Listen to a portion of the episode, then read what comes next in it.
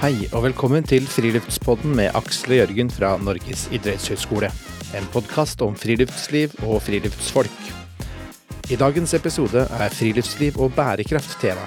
Denne episoden ble spilt inn i høst, nærmere bestemt oktober. Men den er like aktuell i dag. Og I løpet av samtalen nevner vi både en vitenskapelig artikkel vi har publisert på tematikken, og en artikkel i Fri Flyt og Utemagasinet. I episodens innholdsbeskrivelse vil du finne lenker til disse. Og med det er det bare å ønske våre to gjester, og ikke minst Friluftslivsparadokset, velkommen. Friluftsliv og bærekraft. Hvis du leter etter én måte å komplisere et tema eller fenomen på, så må det være å slenge på bærekraft på slutten. Når det gjelder friluftsliv og bærekraft, så har man i de senere årene ofte snakket om friluftsparadokset. Og friluftsparadokset løfter fram dilemmaet rundt hva friluftslivet forbruker, og at eh, friluftslivet slik det framstår i Norge i dag, faktisk er lite bærekraftig. Dette er en tematikk som i høyeste grad angår oss her på NIH og NIH friluftslivsfag. Som utdannings- og forskningsinstitusjon på friluftsliv er bærekraftstematikken noe som både preger og påvirker vår forskning og utdanning. Og I dagens episode av Friluftspodden har vi nettopp friluftsliv og bærekraft på dagsordenen. Vi, for vi ønsker å fortelle litt om hvordan vi jobber med dette her på huset. Og Derfor har vi invitert inn to kollegaer, professor Simon Beams og førstelektor Jannike Høyem. Og så er jo du her da, Jørgen. Ja, jeg er her som vanlig. Eh, men kanskje vi skal starte med å presentere gjestene våre litt eh, mer før vi kommer inn på temaet. Ja, det er en god idé. Ja. Simon, hvem er du? Hvem er jeg? Uh, så Simon Beams heter jeg. Jeg jobber i friluftsliv uh, på NIH som uh, forsker og lærer. Og jeg er veldig opptatt med adventure, social media og mobile technologies. Og bærekraft, selvfølgelig. Mm. Supert. Og så har vi med oss Jannicke på um, digitalt. hvem er du, Jannicke? Hvem er jeg? Jannicke Høyem, eh, som Aksel sa, førstelektor i friluftsliv på NIH. Um, har programansvar på deltidsstudiene. Og ellers i forskningstida mi så har jeg eh, vært opptatt av relasjoner mellom mennesker og natur. Og ulike tilnærminger til det. Og også fagdidaktikk og bærekraft, som er tema i dag. Mm -hmm. Og jeg, for nye lyttere, så er jo jeg da Aksel. og og jeg eh, forsker på naturbasert reiseliv og bærekraft. Men Jørgen, hvordan står det til med bærekraft i din forskning? Um, ja um, Jeg har nå vært med også på dette prosjektet her, så sånn ja. sett så har jeg jo vært eh, litt involvert. Men mesteparten av det jeg driver med forskning, handler mer om læring i natur. Mm, og det er ikke nødvendigvis eh, langt vekk fra bærekraft. Nei, det er klart, Der kan jo også bærekraftsperspektivet og problematiseres eller diskuteres. Mm. Det, absolutt. Det, det, det, er jo en del av det feltet vi holdt på med. Men du nevner dette prosjektet, og vi har ikke introdusert dette prosjektet ennå. Så jeg tenker at vi skal gjøre det. Fordi, eh, som jeg nevnte innledningsvis, så er jo eh, friluftsliv og bærekraft en tematikk vi er opptatt av her på huset. Og eh, vi tenkte i dagens episode at vi skulle ta dere med inn, på, eh, inn til et forskningsprosjekt som egentlig begynte for lenge siden, men ikke som et forskningsprosjekt.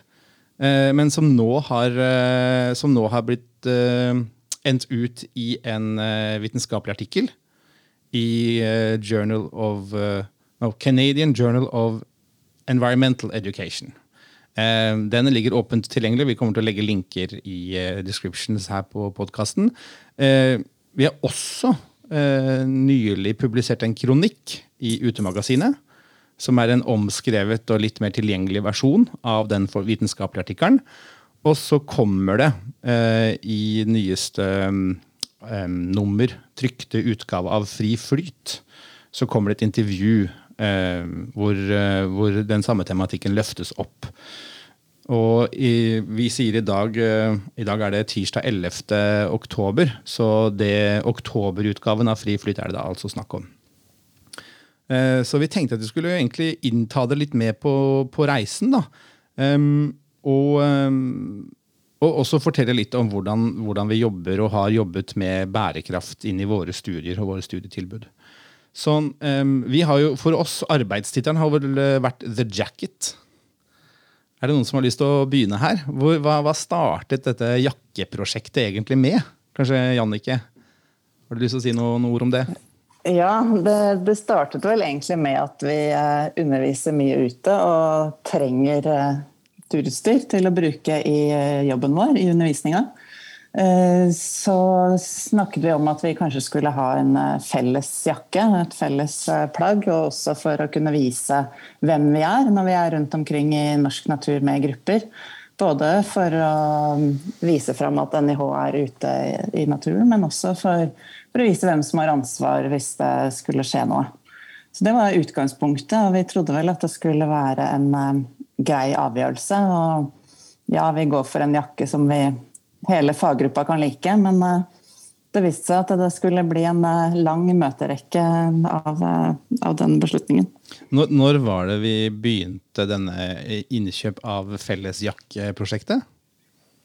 Ja, det er litt derom strides de lærde, men det begynner vel å bli en fem-seks år siden, tror jeg, at det var en sped begynnelse. ja. Så satte vi det vel kanskje mer i systemet og tenkte at nå må vi få ut fingeren sånn for en tre års tid siden. Mm.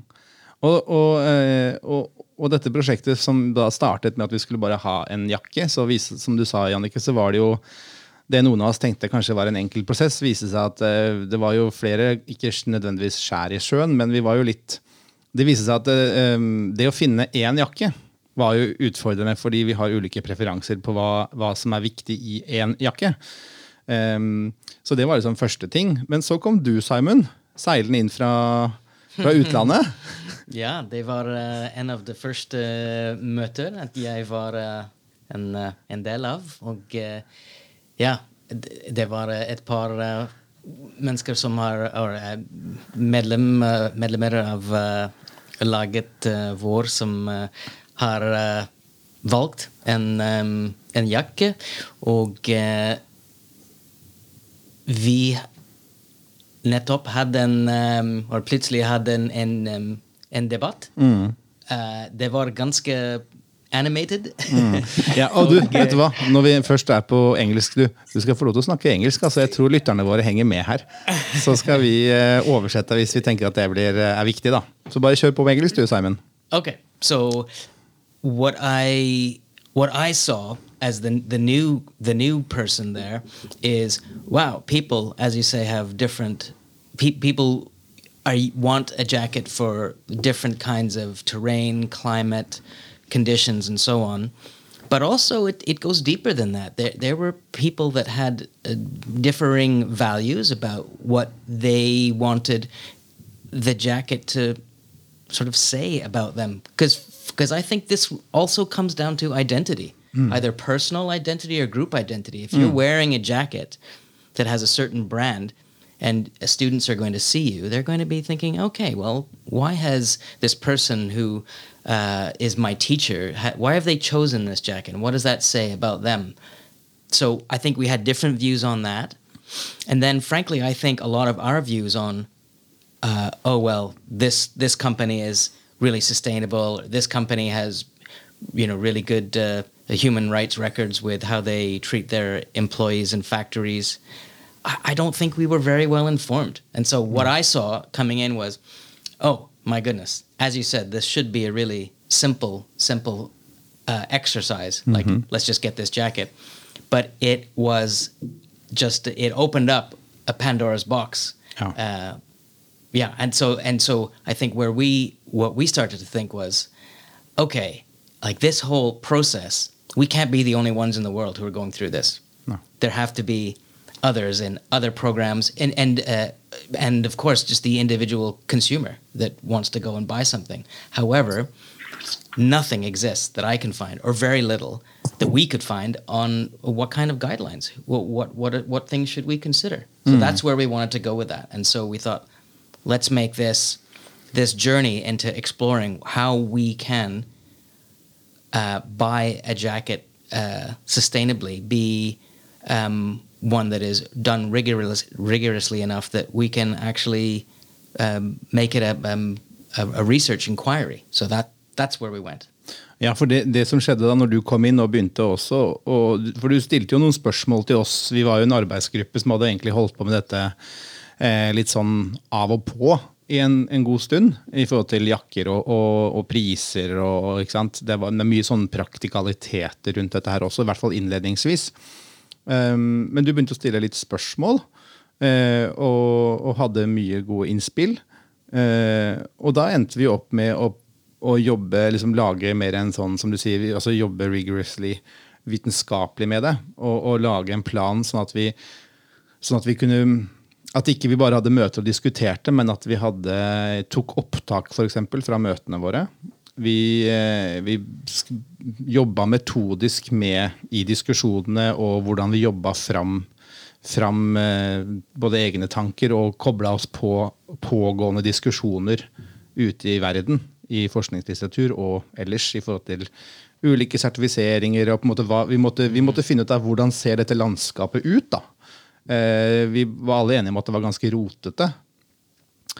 Så det, så det var vel liksom inngangen til den der, eh, The Jacket, eh, eller jakke, jakkepapiret vårt, da, mm -hmm. som nå har blitt publisert. Um, så, så, så det, det, ble også da til et, et forskningsprosjekt for oss. Um, hva er det egentlig vi har landa på? Har vi kjøpt en jakke? vi, har, vi har jo ikke kjøpt en jakke. Vi, vi har vi går fremdeles med de gamle jakkene våre. og altså et, av, et, av, rådene som vi starter opp med, er jo å unngå å kjøpe nytt hvis du har noe fra før. Mm. Som vel kanskje er det aller viktigste rådet man kan gi.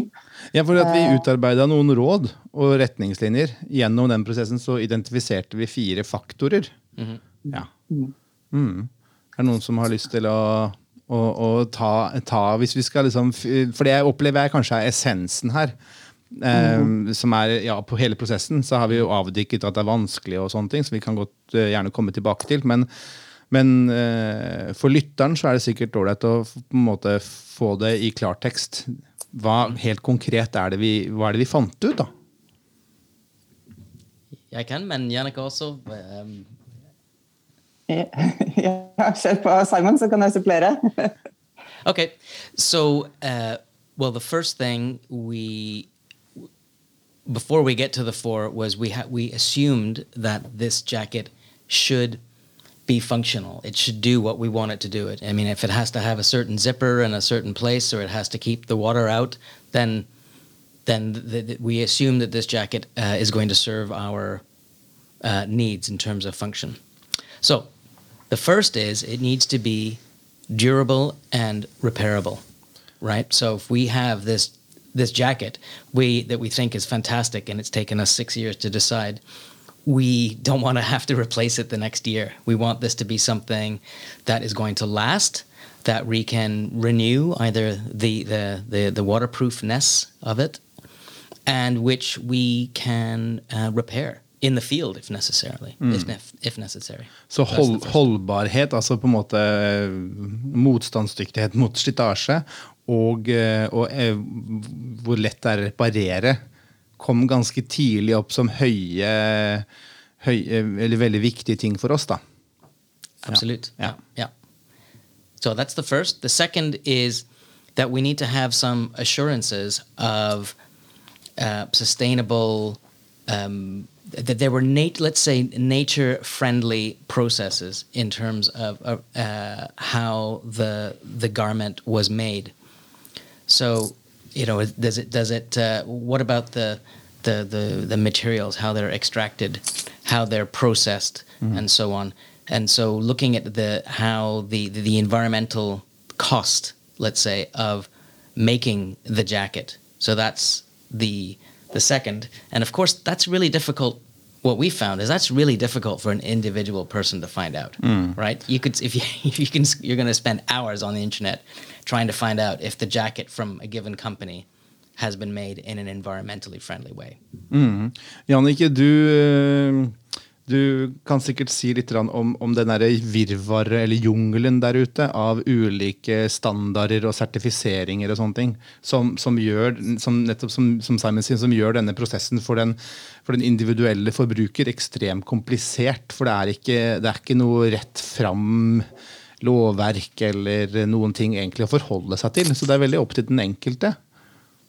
Ja, det, det, er jo det. Når, altså, når, vi ser på naturvennlig produksjon, som er det siste punktet som Simon snakker om, så er det jo så vi kan si at eh, på, på, Innenfor tekstilindustrien så er det minst 60 ulike merker som, som beskriver ulike sider ved produktet. Mange av de er knytta til naturvennlig produksjon. Eh, noen også til, til, mer eh, det tredje punktet vårt, som går på arbeidsforhold ved produksjonsstedet. Mm. Med de sosiale sidene ved det. Mm. og i denne, dette kaoset av merkelapper så er det jo noe som er sertifisering som forutsetter en godkjenning av tredjepart, mens eh, andre er mer medlemskapsordninger som, eh, som, eh, bedriftene selv melder seg inn i, og da står og vurderer sjøl hvordan hvordan de vurderer sin naturvennlige produksjon. Da. Sånn at det har ikke en tredjepart som vurderer det. mens andre ting går rent på hva de ønsker å informere om og ikke. Og det er ingen av de de sertifiseringene som vi nå ser som er fullstendige, sånn at de tar bare deler av bildet. Mm. Så, så, bedriftene kan velge å fokusere på ulike ting avhengig av hva de er gode på. da. Mm. Og så var det, er det også litt sånn at de um, Ofte så gjelder sertifiseringene på en måte firma mer ja. enn det enkelte plagget. Sånn ja, at, det gjør det. Mm. Og det går jo altså eh, når vi går konkret på en jakke, så er det ikke sikkert at nødvendigvis den informasjonen som ligger generelt om merket, stemmer for akkurat den ene jakka vi vil vurdere å kjøpe. Mm. Og Der er det mye mye vanskeligere å få, få, tilgang på informasjonen. Mm. Så, så, dette her er dette med det andre punktet vårt, dette med naturvennlig produksjon, det, mm. det er eh, ikke rett fram og enkelt, vel, i hvert fall ikke per, sånn som systemet er nå, veldig enkelt for den individuelle forbruker å, å, å finne ut av. Men, men, vi tenker vel at uh, det å være bevisste og vite om det og, og, sette seg inn i det og ta den tiden, det er jo første skritt på veien. Ja. Og hvis vi som forbrukere stiller krav til uh, produsentene, eh, om å tydeliggjøre dette. Så, så, for vi har, en, vi har, jo en, ganske mye makt, egentlig, som, som sluttkjøper av et produkt. Eh, og så er vi over på tredje, tredje faktor, Simon. Ja, eh, tredje faktor er human-friendly um, Arbeidsforhold. Thank you. Yeah. Arbeidsforhold. So are these so we we want to be supporting good, healthy, fair equitable uh, workplaces, mm. right? So we don't want to be supporting sweatshops that where people workers are being paid poorly in terrible conditions, long hours, and so on. We want to support a really healthy uh, working, uh, you know, human working conditions. Uh, so that's that's the third thing, but that is also very difficult to know uh, if a company has these kinds of um, to, to find these assurances mm. uh, and because there's uh, there, there are um, certain um, certifications like the ones that Yannicka was talking about for the environmentally friendly processes but uh, uh oh it, it's that's hard to find that information about the about the the, the fair working conditions uh, for the people who are making our equipment, mm. and uh, and uh, it's certainly what what we have read is that if if this isn't being made really obvious by the company on their website, it's probably not happening. Yeah, you know, if, mm. if it's happening, people are going to mention it and they're going to shout about it because mm. that increasingly is becoming a really good marketing tool. Ja, for det, for det er en ting jeg har merket siste altså Etter hvert som vi har, vi har jo som sagt holdt på med å se etter en jakke i seks år, i hvert fall. Eh, og, og, personlig i hvert fall så har jeg hyppig frekventert de ulike produsenters hjemmesider. Og sånne ting, og jeg ser jo en, en utvikling der på informasjonen som er tilgjengelig på hjemmesidene. altså Flere og flere produsenter er flinkere, har bedre, altså høyere grad av transparens eh, om, om, materialvalg, om arbeidsforhold, hvordan de sjekker opp mm. dette, følger seg opp, hvorfor de har gjort eventuelle valg underveis osv. Så, videre, og så, videre. så det, har, det, det, er jo noe som Det beveger seg i riktig retning, i hvert fall. tenker jeg. Yeah, I agree. And I think there's, you, you see uh, on some websites they have a whole section on Mm. sustainability with photographs of people working in their factories. You know, so Supposedly. The, supposedly. En, en utfordring med disse eh, retningslinjene også er at det er det å sette grenseverdier. Altså hva, hvor mye skal en arbeider tjene for at det skal være godt nok? Hvor gode forhold skal det være i fabrikkene? Det er eh, altså de, disse, mange av disse målingene går på et enten-eller-svar. At man har, ikke, man har ikke grenser, man har ikke skalaer for å vurdere dette. Eh, så, så, sånn sett så kommer jo også disse eh, de, til kort, de måtene å, å vurdere på. Da. Så, men ellers så er det jo spennende med denne nye åpenhetsloven som trådte kraft i Norge nå i sist sommer. Ja, Hvorfor, Som, hvorfor er den spennende, Jannicke, i denne sammenhengen? Nei, så Den stiller jo krav til alle større bedrifter eh, til å undersøke om eh, underleverandører følger menneskerettigheter, om de sørger for anstendige arbeidsforhold. Så vi som forbrukere har jo faktisk rett til å vite hvor produktet er produsert og hva som er gjort for å sikre arbeidsforholdene. Eh, Det er jo litt opp til oss også da å stille de spørsmålene.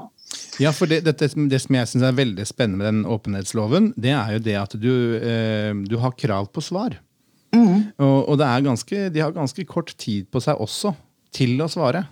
Ja. Sånn at uh, her tenker jeg at det ligger en utrolig mulighet for oss som forbrukere uh, til å, å, å, em, stille, de til, stille produsentene til ansvar og, og kreve åpenhet og svar.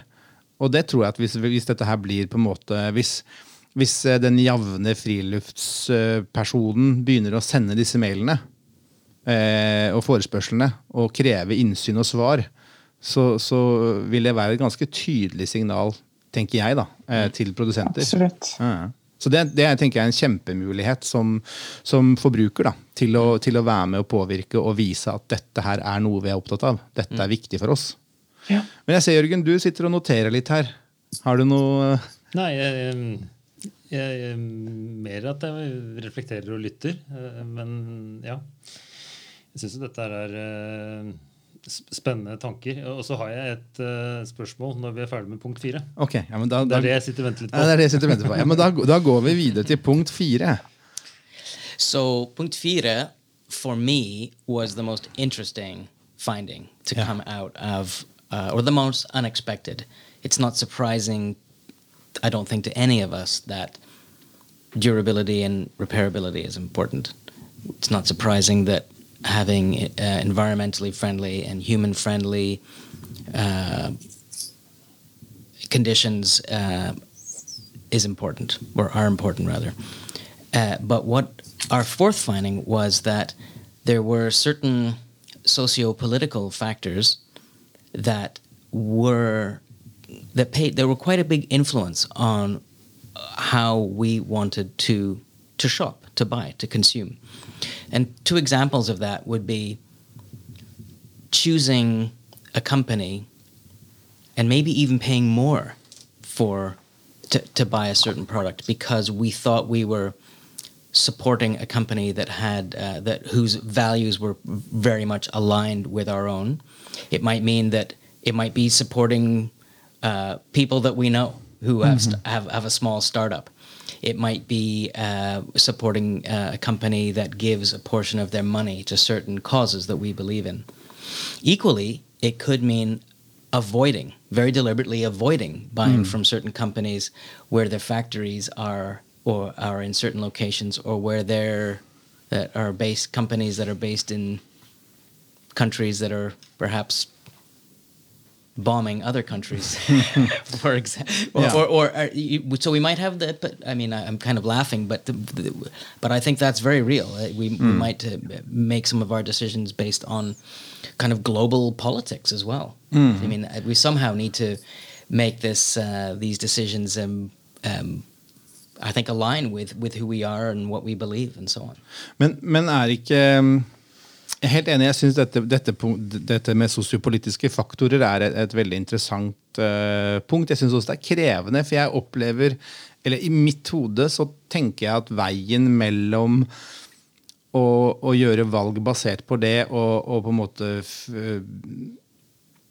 um, Hva skal man si? Um, altså hvor man har en helt tydelig årsak til å velge et gitt merke basert på sosiopolitiske faktorer.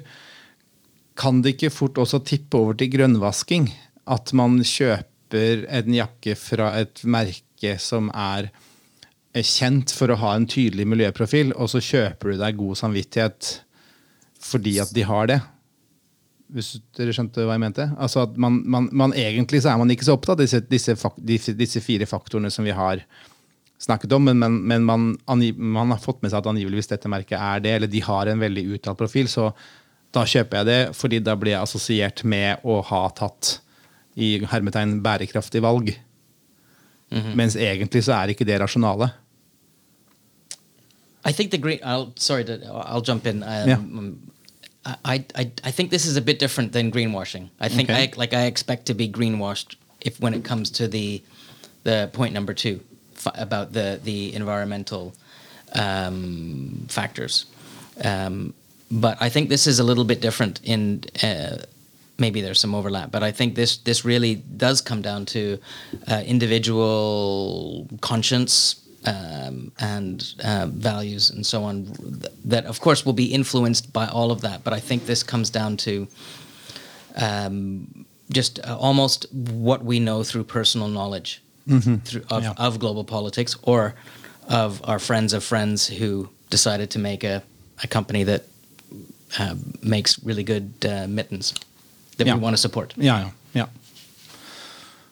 Jørgen, mm. nå, er på, nå, er vi på, faktor fire her. Ja, Nei, jeg tenker uh, Man setter jo opp da en rekke kriterier som man bør tenke på mm. uh, når man skal uh, kjøpe f.eks. en jakke eller mm. et produkt som handler om utstyr til friluftsliv.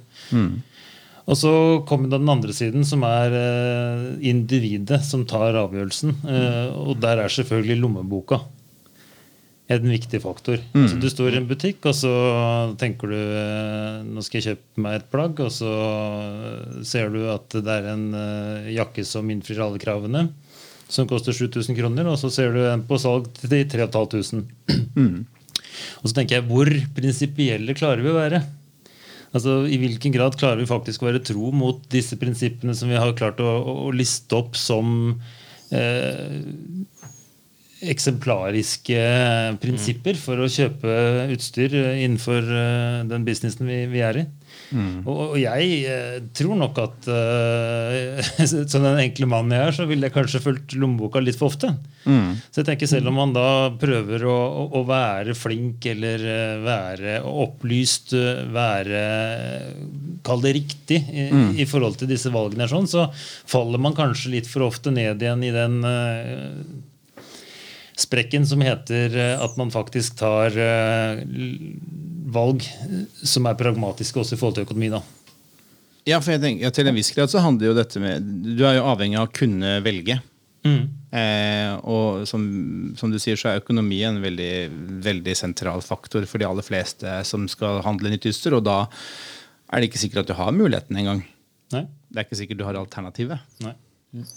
Mm. Men, men, eh, samtidig, så hvis du da har tatt det skrittet til siden og gjort vurderingen, så har du i hvert fall, du har i hvert fall begynt på en tankegang da, som kanskje neste gang vil resultere i, i et annet type valg. Jeg tenker jo, altså, eh, jeg synes det er interessant også på disse sosiopolitiske faktorene vårt punkt fire. Dette med at det finnes jo også firmaer som har mer sånn ansvarlige forretningsmodeller, hvor mm. de sier f.eks. at vi gir ikke rabatt fordi at det koster så mye å produsere en jakke som tilfredsstiller våre miljøkrav, våre bærekraftskrav. Mm. Så da, da, er det det som er alternativet. Eh, og så kan man si at det utelukker en del kjøpere fordi at man ikke har råd til å gjøre det, men eh, samtidig så, så gir det oss en kunnskap da, Sånn at, eh, som, som, vil også kunne danne utgangspunkt for valg videre. Og kanskje faller man da tilbake på det første punktet vårt om holdbarhet. At ok, kanskje finnes det muligheter for Hvis jeg står og kan velge mellom to billige jakker, så er den ene enklere å reparere. Den ene vil vare lenger. Den ene vil, vil uh, kunne være lettere å fornye uh, tekstilen, fordi at det finnes muligheter å impregnere den på. Mm. Så kan man, kan man falle tilbake mot mot den type mer kunnskapsbaserte valg. Mm. Selv, om, selv om lommeboka også påvirker. For det mm. gjør den jo selvfølgelig for oss alle. Ja, og jeg tenker dette med, med vedlikehold og på en måte ja, alt fra bytte glidelåser til å reimpregnere. Der er det jo eh, der er det jo sånn at i hvert fall her i Norge så er det jo noen da eh, firmaer som har eh, Kall det mer tilgjengelig servicetilbud. For det er jo ikke alle som eh, enkelt kan kjøpe seg en glidelås og bytte den selv, men har behov for å sende den inn. Så det, så det er også noe tenker jeg, som henger sammen med det. altså hvor, Hva slags eh, sekundærnæring er det tilknytta denne jakka eller dette utstyret, i forhold til å, å, å få hjelp til å, å vedlikeholde og reparere ting som jeg selv ikke kan. Og der kan også, er det jo noen som har mye mer tilgjengelige servicetilbud på dette enn andre merker. da. Mm. Det er det. Absolutt, og det, det, er jo en av de tingene man kan vurdere under dette holdbarhetspunktet. Altså, Hvordan er mulighetene for å få hjelp til reparasjon? Mm. Så, så for, å, for, å, på en måte prøve å runde, summere opp og runde av denne biten her, da, så, så, har vi jo landa på fire, fire faktorer eh, som vi tenker er, er hensiktsmessige å, å, å, ta stilling til og vurdere eh, hvis målet er å gjøre mer bærekraftige valg i en, en, kjøpsprosess når det gjelder friluftslivsutstyr. For dette handler jo egentlig ikke om en jakke som sådan. Dette handler jo om alt som er relatert til friluftslivet. Yeah. yeah, even beyond friluftsliv. Yeah, yeah, right? I mean, I think that's mm. important. Mm. I mean, I, this has helped me think more clearly about everything that I buy. Yeah, frankly, not not just jackets. I mean, for for for me, jackets was the the way into the matrix. Yeah. Right, and then that just gives us a framework for being able to consider our consumption in general. Mm. Mm. mm. Yeah. Men, men um, og vi disse um, vi, legger ut linker til uh, disse ulike um, kronikkene og artiklene.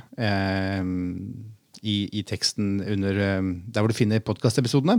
Eh, men, men, eh, bærekraft er jo også noe som, som, forhåpentligvis da, tenker jeg, kommer til syne i våre, i våre utdanningstilbud også. Mm. Um, vi har jo ikke, det har kanskje ikke alltid gjort det, i hvert fall ikke like tydelig. Jeg vil jo påstå at det har vært en, en utvikling også hos oss hvor dette er blitt synliggjort i, i større, eller blir synliggjort i større og større grad.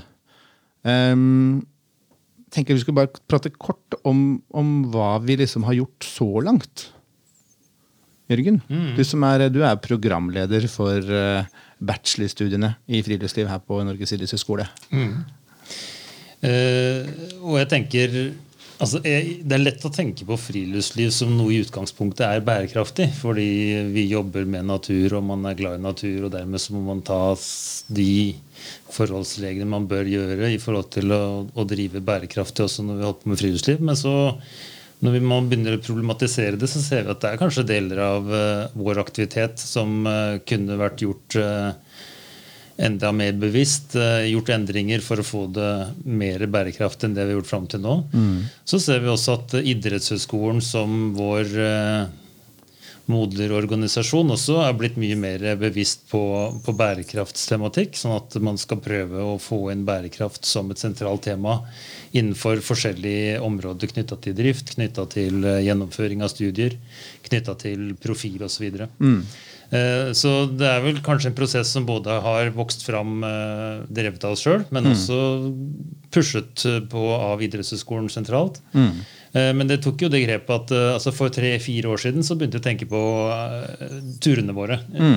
I hvilken grad kan vi endre på turkonseptene våre, sånn at de bidrar til kortere reisevei til at vi kanskje velger områder som påfører mindre slitasje på naturområder som er eh, mye brukt, mm. eh, hvor slitasjen er relativt stor.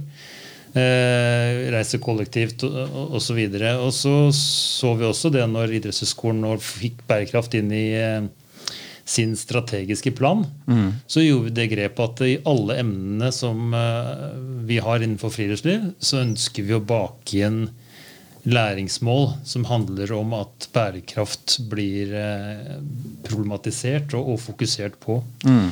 Så, så, på alle emner som vi har nå, så er det egne læringsmål som også handler om bærekraft. Og det føler jeg gjør noe med vårt fokus, men også at studenten da opplever at vi er et studie som i større grad fokuserer på dette enn tidligere. da. Mm. Og Jannicke, du som er programleder for Friluftsliv deltidsstudiene på, på huset her.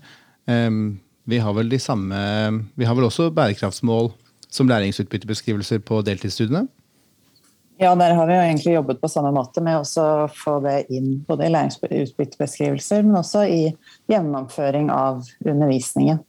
Så, så det, det, det, er en tanke som er langt framme. Det, det kom jo også inn i nye UH-loven, universitets- og høyskoleloven, for et par år siden at bærekraft faktisk er et av formålene til høyere utdanning i Norge. Så, så der er vi også forpliktet. Mm. Og det, det, jeg opplever som både gjennom doktorgradsstudiet mitt med å intervjue natur, turister innenfor det naturbaserte reiselivet, men også sånn rundt bærekraftsdiskusjonen generelt, er jo det at vi ofte, og nå generaliserer jeg litt, men at man ofte ønsker å fortsette som før, men på mest mulig bærekraftig vis. Eh, sånn at vi egentlig så eh, sånn Generelt sett så hadde det vært veldig fint om vi bare kunne fortsette som før, men å gjøre det vi alltid har gjort, men på en eh, på grønnest mulig måte. Og det tenker jeg at det, det føler jeg at vi har, liksom, har, har egentlig fått erfare at det, ikke, det går ikke. Skal vi, måte, skal vi, gjøre noe så det monner, så, så, krever det faktisk at vi ofte må endre praksis. Eller vi må ta grep som, hvor man, hvor man blir, blir, satt i en posisjon hvor du må ta stilling til hva, hva er viktigst. Eh, eller uh, hvor, hvor, viktig er dette bærekraftsperspektivet egentlig? Ikke sant? Sånn at når vi velger Det at vi har sett på turene våre valg av område eh, Man kunne kanskje tenke seg at det hadde vært fantastisk å reise til, et, eh, ja, til Jotunheimen, f.eks. Som vi gjorde før. Mm. Eh, men, det er, men, det er, langt unna eh, Oslo. Det er mange fjellområder som, eh, som ligger eh, sør for Jotunheimen, som er nærmere, lettere å komme til eh, osv. Som, som, gjør eh, som gjør at vi har for flytta mye av undervisningen vår nærmere Oslo. Men det, det, ikke, det, er ikke sånn at det ikke har konsekvenser. Så det handler om at du faktisk må ta noen valg som, som Så det får en betydning, da. Eh, og så må du kanskje si at ja, men det, eh, det, vi mister av å ikke bruke det området, det får vi, da får vi andre aspekter istedenfor. Og det tenker jeg litt sånn tilbake til dette med jakkeprosjektet og, og forbruksmønster innenfor friluftslivet. Så, så, er det sånn at, uh, som vi sier i den artikkelen også, liksom, trenger du en jakke? Trenger du den nye tingen? Altså, det er det kanskje aller viktigste spørsmålet, for det er faktisk det som er med på å endre forbruksmønsteret vårt. Og det er forbruksmønsteret vårt som er store, det store problemet, da, tenker jeg. I forhold til alt det medfører av, av uh, forurensning og, og påvirkning, negativ påvirkning på miljøet. Mm. Så, så, det er noe, vi må på en måte være villige til å ikke bare talk to talk, men walk to walk også. Og at det, det, det kommer til å kjennes, da. I, I couldn't agree. Og så tenker jeg at vi også nå har vi, vi også må ta med studentene på denne reisen. For en ting er at vi sitter på huset og gjør disse diskusjonene og vurderingene, men, men, det at eh, studentene ser hvordan man kan jobbe med det. At de på en måte får være med på diskusjonene, får være med og få en forståelse for for de utfordrende spørsmålene vi sitter og diskuterer nå, da, og så ser hvordan man kan finne svar på det. Gi dem noen handlingsalternativer. Det, det, det er også blitt en større og større del av den måten vi jobber med dem på. Mm. Mm. Så tenker jeg bare for å skyte inn også at uh, studentene er også mye på å pushe oss, tenker ja, jeg. Altså, jeg opplever jo at dagens oppvoksende generasjoner har større fokus på disse tingene enn hva vi har hatt. Mm. Og, og, de er i forkant i forhold mm. til uh, å se på hva som bør gjøres av grep for å faktisk uh, være mer i tråd med de verdiene vi faktisk mener er viktige. Mm. Og dette er jo uh, overhodet ikke en tematikk som vi har uh, som, er, som er um, noe vi har på en måte snakka oss ferdig om nå. Mm. Jeg tenker Vi har så vidt begynt, uh, både på, på, på, studiene og i forskninga vår, og ikke minst i denne podkastserien her, så vi kommer til å komme tilbake til denne store tematikken som heter friluftsliv og bærekraft i, i senere episoder. Og, og vi, mener, vi syns jo selv at det er mye spennende som foregår internt på huset her. Eh, både av forskning og undervisningsprosjekter som, som nettopp eh, løfter fram og aktualiserer og diskuterer eh, bærekraft og friluftsliv. Så jeg tror vi avslutter med det. Og så um, håper vi at dere tar en titt på disse kronikkene våre og forskningsartiklene våre. Og sånne ting, og, og kanskje det viktigste, at dere neste gang dere står i butikken eller tenker på at dere har lyst til å kjøpe noe, så, så stopp opp og pust med magen. Og tenk er dette noe jeg egentlig trenger. Eh, og hvis svaret er ja, så har du da fire faktorer som, eh, du, som vi tenker at det er fordelaktig at du, at du vurderer før du drar kredittkortet på dette produktet ditt.